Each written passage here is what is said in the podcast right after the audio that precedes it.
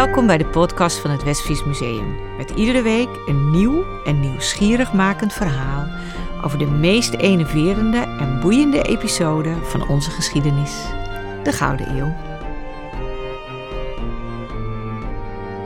Aflevering 11. De prinses heeft recent een turkje gekocht.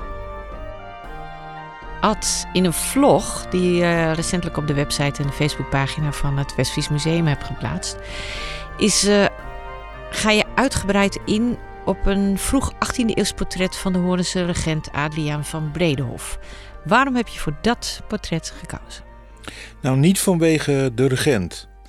Uh, hoewel die als opdrachtgever door de Delftse portretschilder Nicolaas Verkolje prominent is afgebeeld. Mm -hmm. Maar vanwege de zwarte bediende die samen met hem is geportretteerd. Want dat maakt dit portret namelijk een heel actueel schilderij. Hoezo? Nou, er is na de dood van de zwarte Amerikaan George Floyd in de VS, maar ook in ons land, een storm van protest losgebroken tegen racisme. En daarbij is gewezen op de dieperliggende oorzaak van racisme. Het idee dat de witte mens superieur is aan de zwarte mens en op de noodzaak om ons bewust te worden van de historische wortels van dit diep in onze westerse cultuur ingesleten denkbeeld. En volgens mij confronteert dit schilderij ons daarmee. Ja, ik uh, raad uh, sowieso iedereen aan om zelf even de vlog te bekijken. Uh, want daarin is het schilderij door de filmer Menno van Wees heel mooi in beeld gebracht. Maar dat kunnen we hier dus niet laten zien op de podcast. Kun jij voor het gemak het schilderij even beschrijven voor ons? Ja, uh, prominent op het schilderij zien we Adriaan van Bredehof. Een van de invloedrijkste regenten uit het vroeg 18e eeuwse Horen. Hij meet zich duidelijk een adellijke status aan. Als vrijheer van Oosthuizen, een titel overigens die zijn vader gewoon had gekocht, mm. wijst hij met zijn vinger naar zijn buitenhuis in die plaats, zo'n 10 kilometer ten zuiden van Horen. Hij is gekleed in een jachttenu en de jacht is bij uitstek het privilege van de adel. Maar wat misschien nog wel het meest bijdraagt aan zijn adellijke uitstraling, is de bediende die hem vergezelt. Een jonge zwarte man die zijn jachtgeweer en zijn wijtas draagt en de jachthond vasthoudt. Ja, dus uh, dat is duidelijk niet de hoofdpersoon. Nee, dat klopt. Want uh, uh, wat meteen opvalt uh, als je dat uh, schilderij bekijkt, is dat de zwarte bediende veel kleiner is afgebeeld. En het effect daarvan is dat hij opkijkt naar uh, mm. de regent. En dat was uiteraard de bedoeling van de schilder. Ja. Alles op het portret moet uitstralen dat we hier met een man van aanzien te maken hebben. Maar ondertussen geeft het schilderij ook nog een hele andere duidelijke boodschap af, namelijk de witte mens is superieur en de natuurlijke rol van de zwarte mens is een dienende. Is dit een uh, uitzonderlijke schilderij? In de collectie van het uh, Westfries Museum wel. Maar als je naar de collectie Nederland kijkt en nog breder naar portretten die in uh, West-Europa gemaakt zijn, dan zie je dat er heel veel van dergelijke dubbelportretten gemaakt ja, zijn. Okay. En, en ook juist in die periode waarin ons portret is ontstaan, 1729, zeg maar de eerste helft van uh, de 18e eeuw. Is daar een verklaring voor?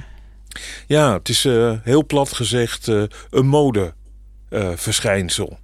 Um, eind 16e eeuw maken de Nederlanders voor het eerst kennis met het fenomeen van de zwarte bediende of uh, page.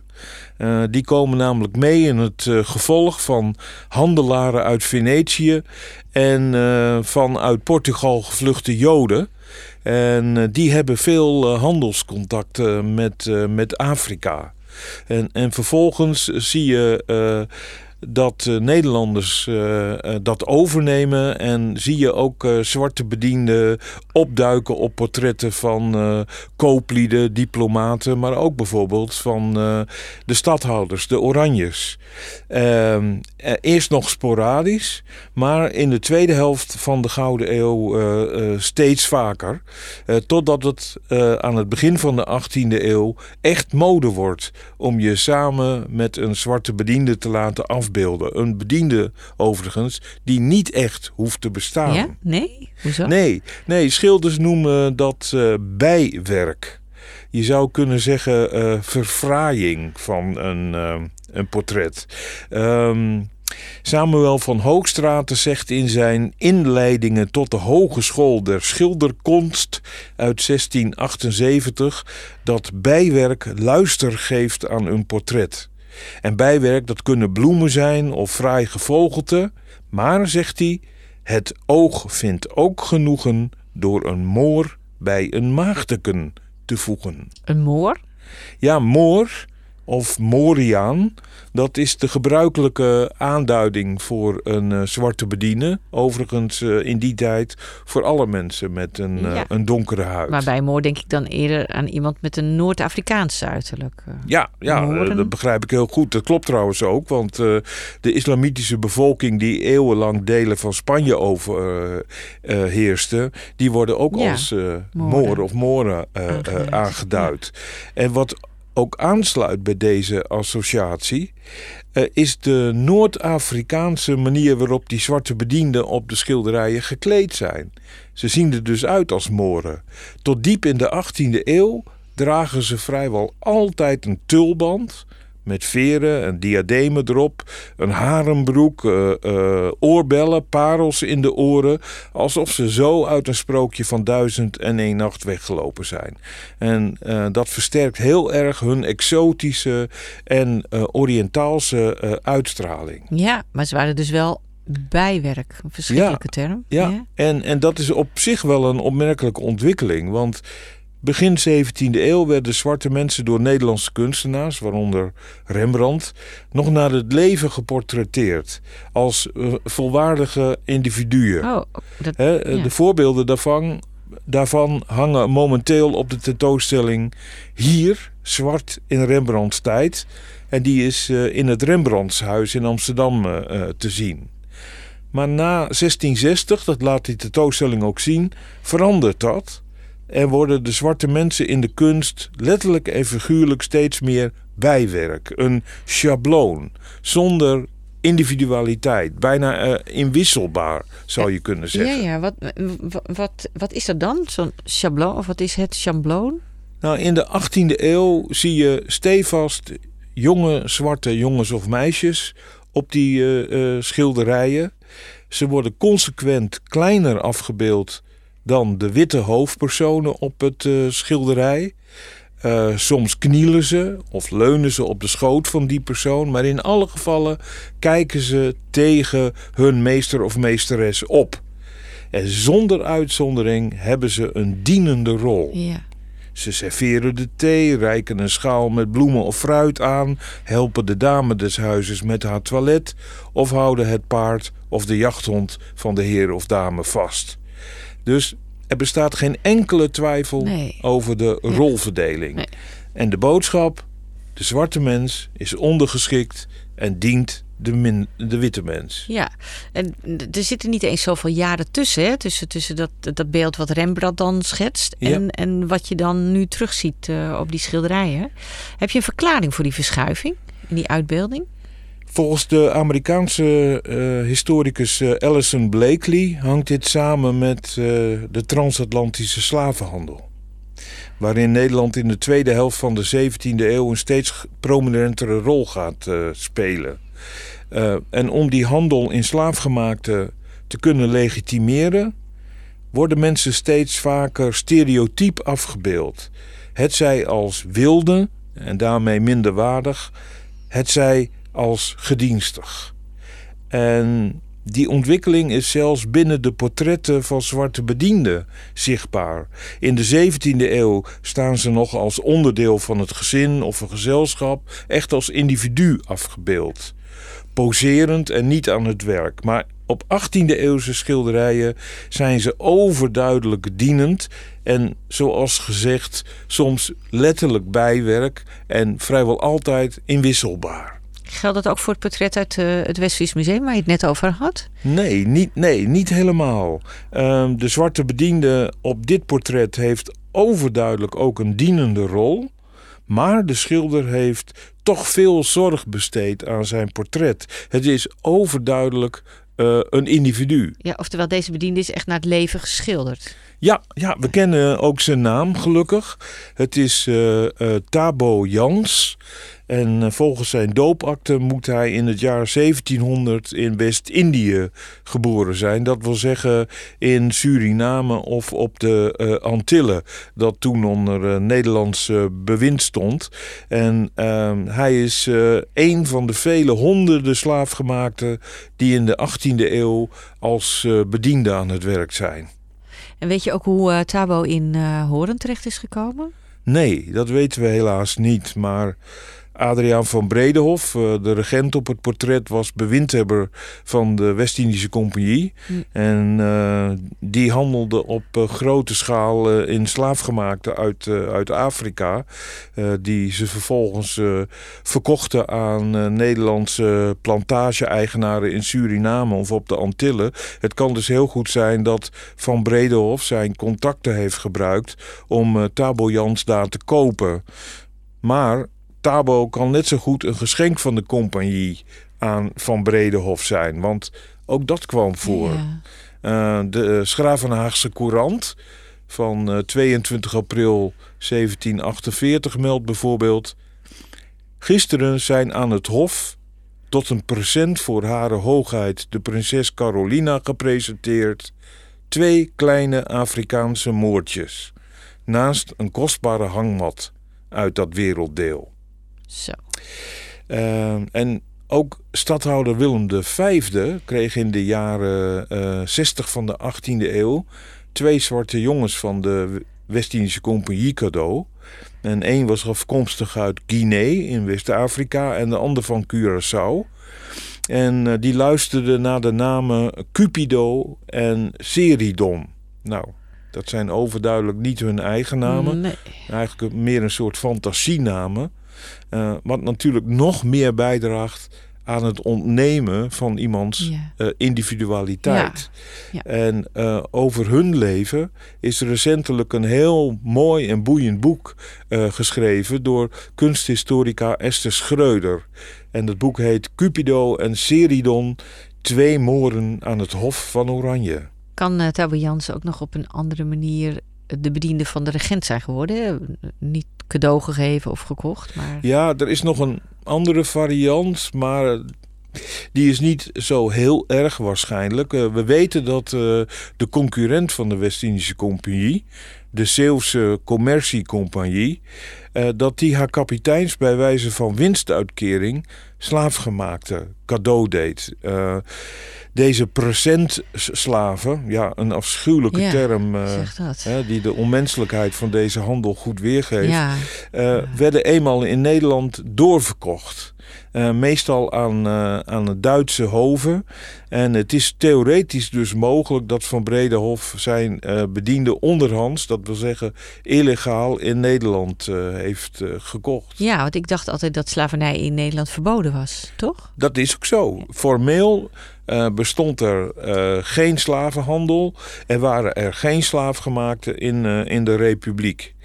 Um, maar ja, er was wel een hmm. grijs gebied. En dat waren nu juist die slaafgemaakten, zoals Tabo Jans, die in Afrika of West- of Oost-Indië waren gekocht en door Nederlanders mee naar Nederland waren genomen.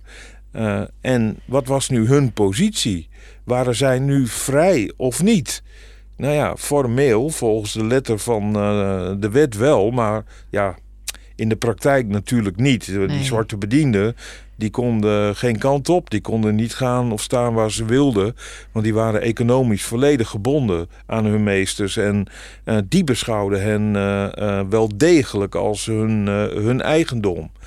En, en pas in 1776 werd expliciet in de wet vastgelegd dat een slaafgemaakte die naar Nederland kwam, na een jaar pas vrij man of vrouw was. Dus Tabus Jans was echt wel het, het eigendom van Adriaan van Bredehof. Ja, dat blijkt ook wel uit het testament eh, van Van Bredehof.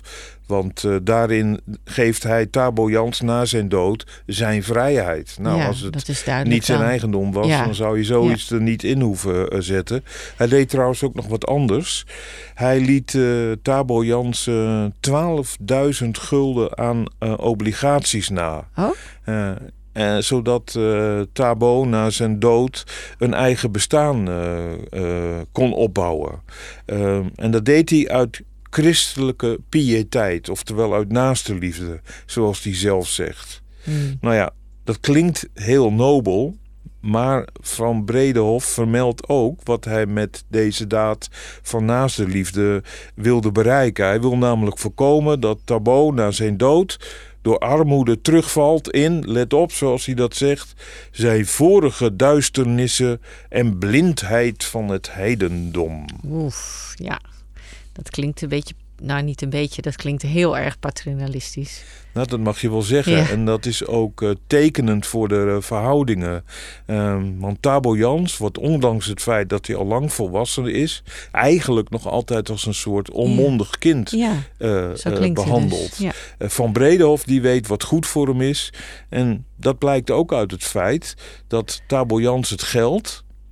natuurlijk uit angst dat hij alles in één keer zou verkwisten...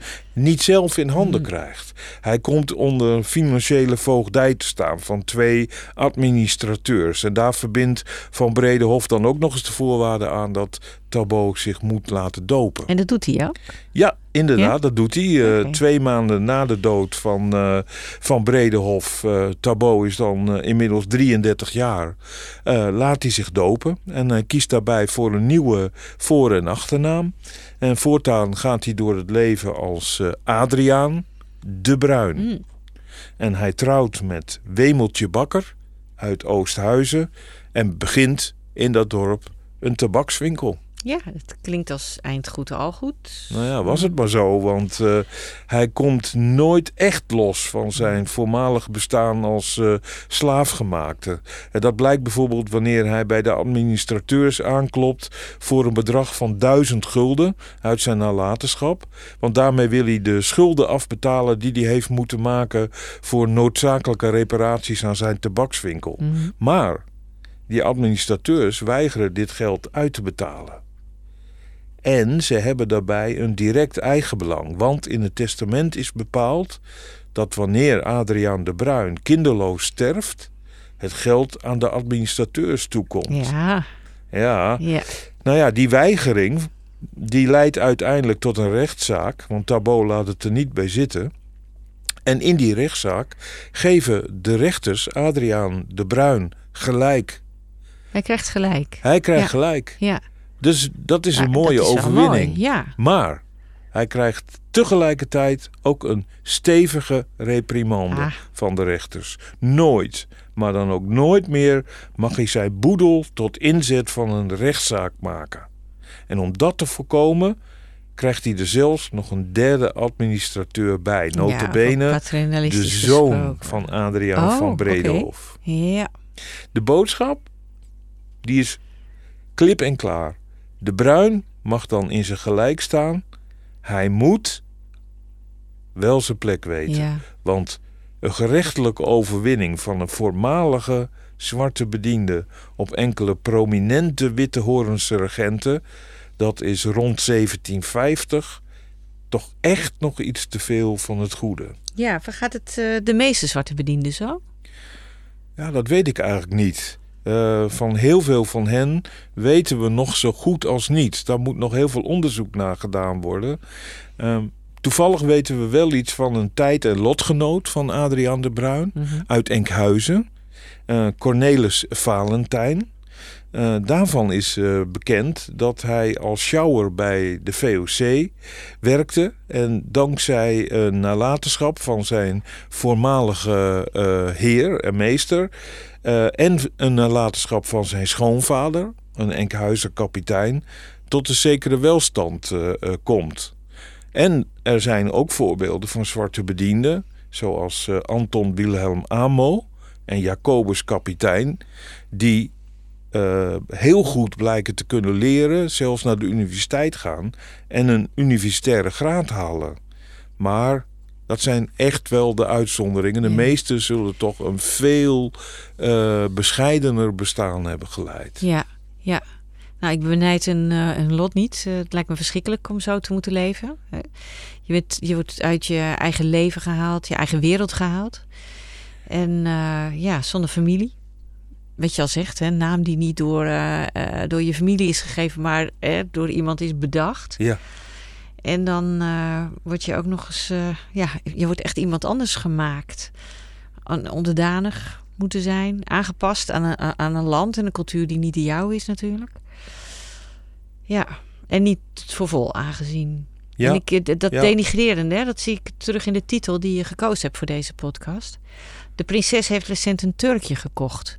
En waar komt, waar komt die titel vandaan? Ja, die titel uh, die komt uit een krantenbericht. Uh, waarin wordt vermeld dat uh, prinses Marianne van Oranje, dat was de dochter van koning Willem I, op een slavenmarkt in Cairo een 15-jarige Nubier, een zwarte jongen dus, heeft gekocht. En dit Turkje, zoals die in de krant uh, wordt genoemd, mee naar haar landgoed in Voorburg neemt, waar die nogal de nodige aandacht trekt. En dit is een krantenbericht uit, let wel, 1850. 13 jaar voordat Nederland de slavernij definitief afschaft. Ja, en zo lang geleden is dat nog niet eens. Zo nee. is het. Ja.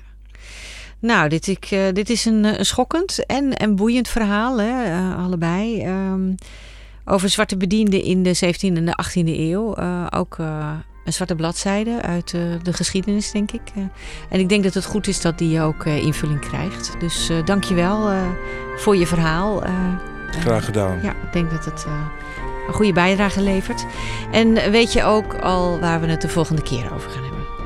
Ja, nog zo'n uh, donkere, of ik moet misschien zeggen grijze bladzijde uit de geschiedenis uh, van de Gouden Eeuw, waarin ook West-Friezen zich niet onbetuigd lieten, namelijk corruptie binnen de VOC. Ah, interessant. Daar uh, horen we graag volgende keer meer over. Dankjewel, Ad.